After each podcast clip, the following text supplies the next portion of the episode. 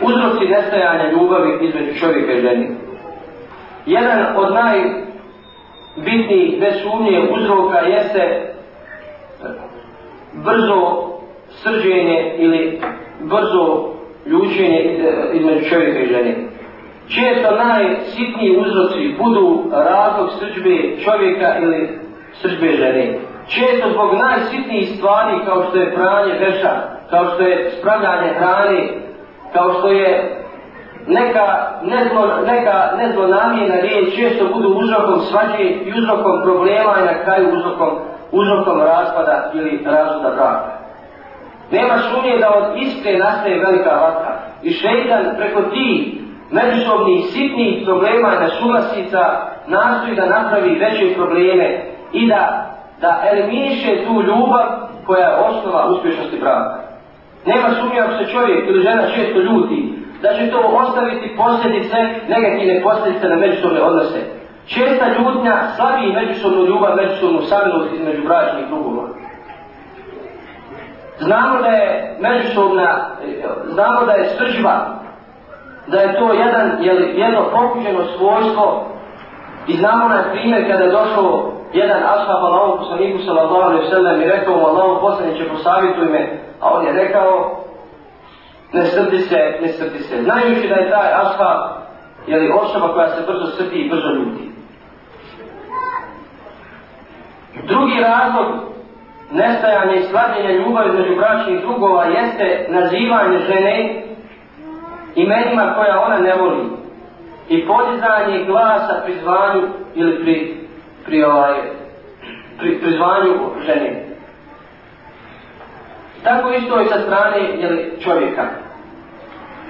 Žena i čovjek trebaju da se nazivaju međusobno lijepim imenima. Trebaju da se nazivaju onim imenima koja su im najdraža.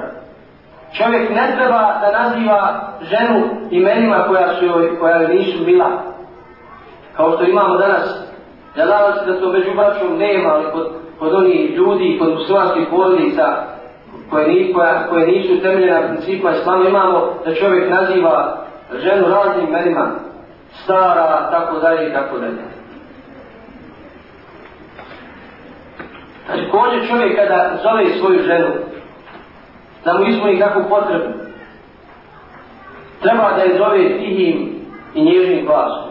Ne treba da podiže glas na nju, da pokaže kako je on jači od nje, da pokaže kako on glavni u porodici, da pokaže da on drži konce svojim rukama.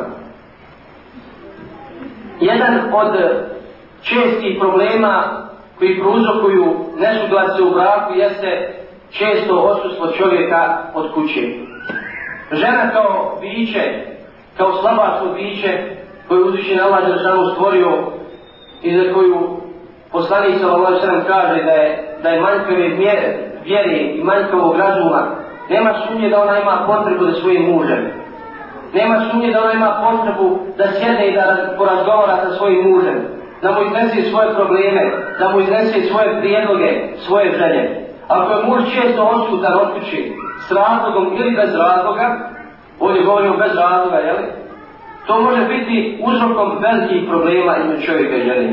I kada se vrati kući, dolazi umoran, dolazi zabrinut zbog svojih poslova i ne može da ženi istraži svoju ljubav i svoju romantiku koju ona očekuje od njega. Nema sumnje da žena poželi čovjeka i da čovjek poželi ženu.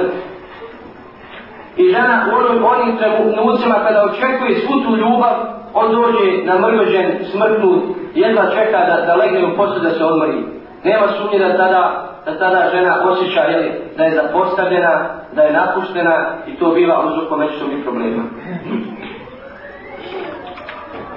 Kada u pitanju žena uzrokom nestajanja ljubavi između nje i čovjeka jeste neuljepšavanje čovjeku.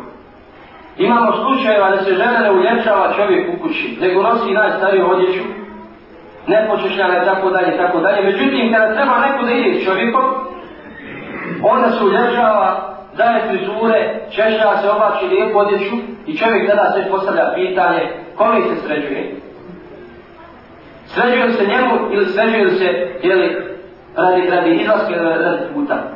Nema sumnje da je to propust od strane žene.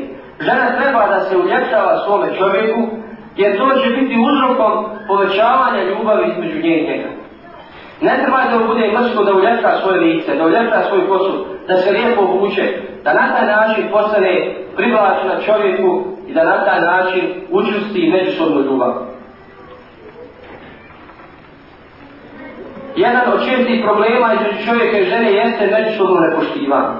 Međusobno nepoštivanje i međusobno neuvažavanje. Često sitni problemi budu uzrokom, jeli, velikih problema i budu uzrokom razloga braka. Navećemo samo jedan primjer.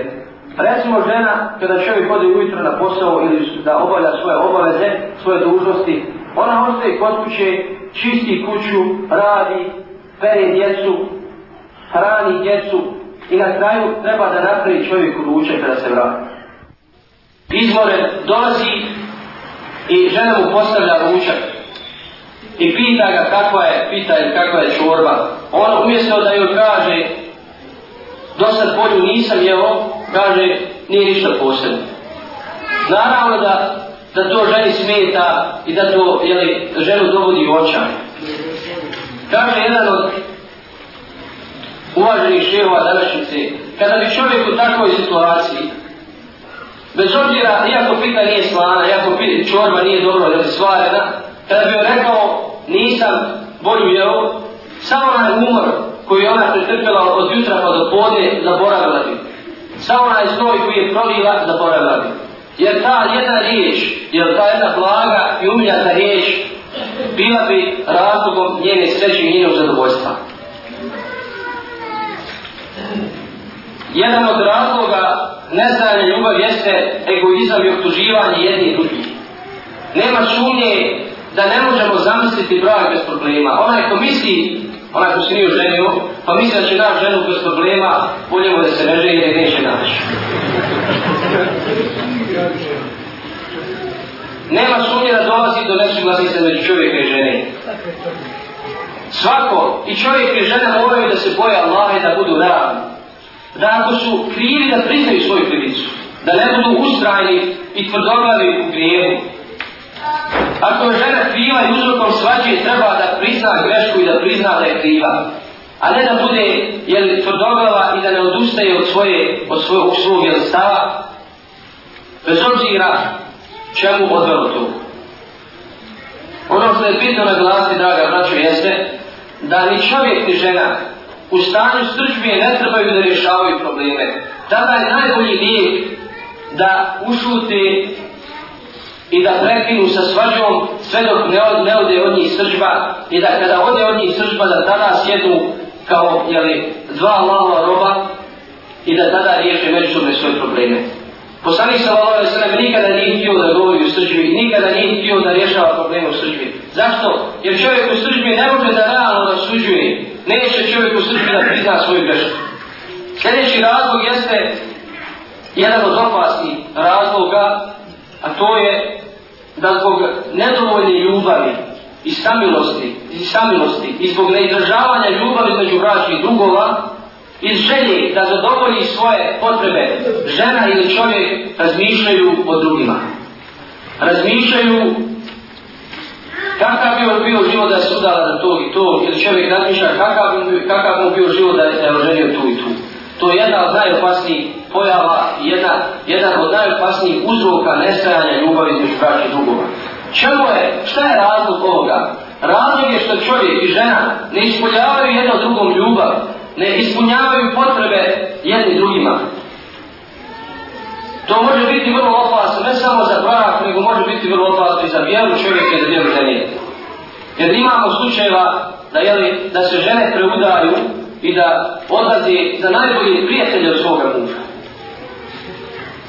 Zato je Islam zatvorio jeli, svaki prilaz grijenu. Postavio preventive. Zato je u Islamu zabranjeno jeli, da žena podiže svoj glas i da lijepo govori kada, kada neko traži njenog muža. Zabranjeno je da žena iznosi, da žena iznosi jeli, ručak ili kahu njegovim prijateljima. Znači da se miješa sa ljudima. Jer šeitan je takav, žena je slaba kao i čovjek. Može se učiniti ljepši kako drugi od njenog čovjeka, naročito u situaciji kada nema međusobne ljubavi i harmonije među njima.